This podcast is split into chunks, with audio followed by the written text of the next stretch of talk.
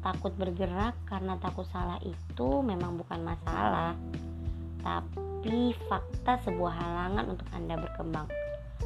Takut tidak disukai semua orang hingga enggan berkata tidak. Terlalu banyak meminta maaf, fakta hanya membolehkan air mata. It's a fact. Hidup dengan seimbang, boleh disukai, boleh dibenci pada porsinya. Mengakui dengan seimbang, mengakui diri dengan apresiasi dan evaluasi pada porsinya.